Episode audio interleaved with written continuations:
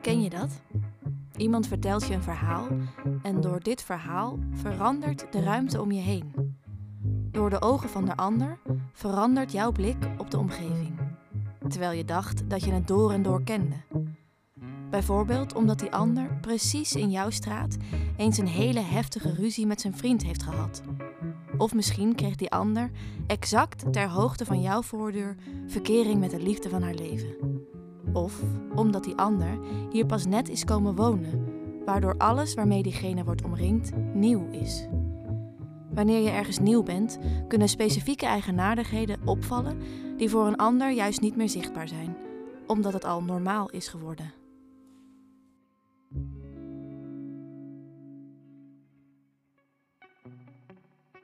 Deze podcast is gemaakt als randprogrammering voor de voorstelling Het Spektakel, gemaakt door Club Nel. Een Johnny Loco. Maar dat vinden ze op mijn school een hele rare fiets. Hier hebben ze dat niet. Hier hebben ze allemaal een gazelle met die eh, heel, eh, nou of elektrisch of gewoon zo'n oude opa fiets. Dit is Maria. Sinds een jaar doorkruist ze op haar Johnny Loco het Groningse platteland. Het is 7 kilometer fietsen van haar huis naar school. En daarna dus weer 7 kilometer terug. Volgens mij zijn het meestal gazelles of er was nog een merk. Alleen het zijn allemaal van die fietsen die mijn opa ook zou hebben met zo'n metertje voorop en zo. En dat vind ik dan juist weer heel apart. En dan denk ik echt, ja, als je daarmee dan weer naar zou fietsen, dan zouden dat juist weer heel gek vinden. Wel, maar deze komt ook, deze heb ik ook meegenomen vanuit daar die hierheen. Een stadsfiets. Naarden, een stad in het midden van Nederland, 180 kilometer verwijderd van het fietspad waar we nu staan. Maria is onderweg naar huis. Het huis waar ze sinds vorige zomer is komen wonen. Toen ik hier in het begin woonde, toen vond ik de stank echt heel erg. Als we naar school fietsen en dan fietsen we ergens langs en dan vond ik het echt super vies. Maar zij zeiden, nou, nou ja, stel je niet aan, maar ik vond het echt super vies. En nu nog steeds wel. Ja, mest of uh, van dat uh, Bix of van zo'n fabriek. En dat ik dan echt denk, oh, gadver. Ja. Daar fiets ik eigenlijk langs de snelweg of over de hei. En hier fiets ik langs de provinciale weg en tussen allemaal weilanden. En daar kwam je ook gewoon veel meer langs huizen en stoplichten en allemaal van dat soort dingen tegen, treinspoor. Maar hier heb je eigenlijk gewoon een rechte weg en die fiets je alsmaar door. Die rechte weg doorkruist dorpen, Baflo, Winsum. Onderweg ziet Maria dieren, weilanden en komt ze andere fietsers tegen. Elke ochtend kom je eigenlijk dezelfde mensen tegen elke keer weer ook bijna altijd op hetzelfde punt. En als je dan bijvoorbeeld iemand hier tegenkomt die je normaal veel verder tegen zou komen, dan weet je ook gelijk dat je verder sneller moet fietsen. Omdat je dan waarschijnlijk te laat bent. Want normaal dan kom je ze altijd hier tegen en niet daar. Langs het fietspad staan grote boerderijen. En op een van deze boerderijen woont ze nu zelf. Eén keer de provinciale weg oversteken en dan is het thuis. Het is een grote boerderij met schuren en rondom staan mooie oude bomen. Normaal tijd om dan even eerst vier boterhammen en daarna het schaakhuisje maken. Oh ja, je moet het onderhuis maken. Ja. Perfect. Kom erin. Hoe ging het? Jullie hebben elkaar dus gevonden? Ja. Vorig jaar, na de zomervakantie, ging Maria voor het eerst naar haar nieuwe school. Vond ik eigenlijk best wel spannend. En ik kende natuurlijk ook helemaal niemand. Want als je dan in Naarden of zo scholen ging kijken, dan wist je al wel, kende je wel mensen die erop zaten omdat je er woonde. Maar hier kende ik natuurlijk helemaal niemand. Wanneer je de mensen en hun omgeving niet kent, kunnen de verwachtingen die je hebt soms in het echt best wel eens anders zijn. Ik had eigenlijk verwacht dat ze allemaal met overal en klompen naar school zouden gaan. Maar dat was helemaal niet zo. Dus ook toen daarna, toen ik die eerste schooldag op school kwam, toen was ik die ene dag ook al best wel weer vergeten. Dus ik verbaasde me toen ook alweer dat ze niet op klompen en overal naar school kwamen. En toen zei ik dat ook en toen vond iedereen dat ook zo grappig dat ik dat dacht. Dat beeld werd dus tijdens de eerste schooldag meteen bijgesteld.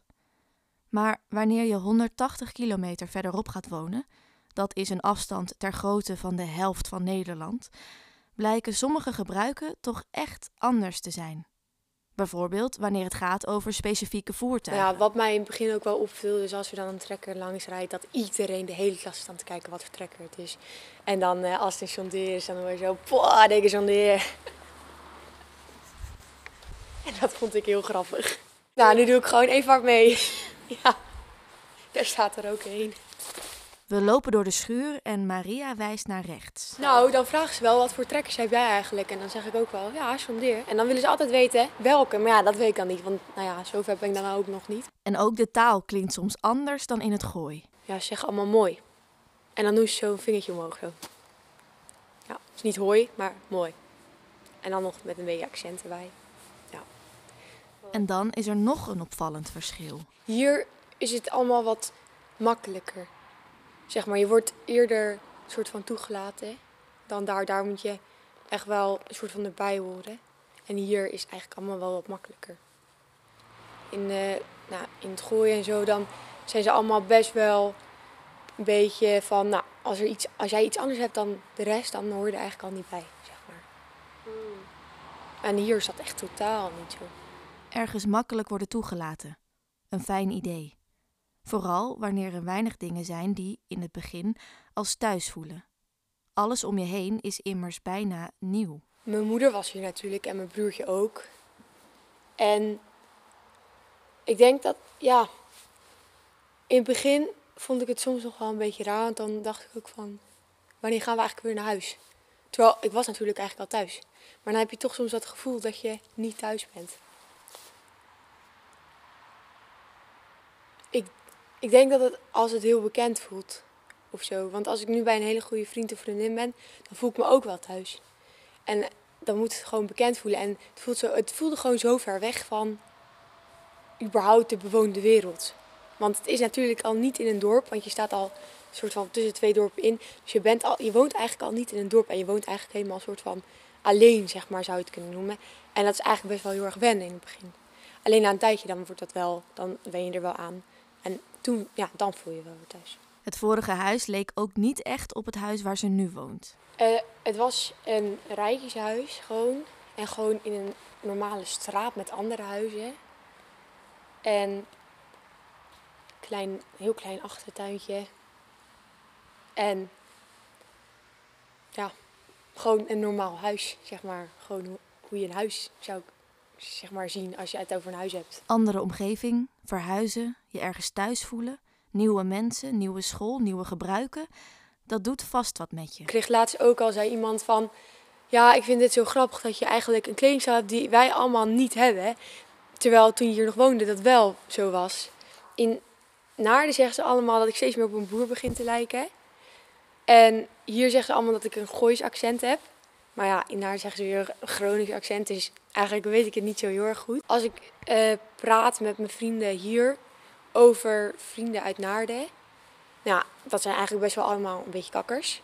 En hier nou ja, vind ik het zelf allemaal een beetje een soort boeren.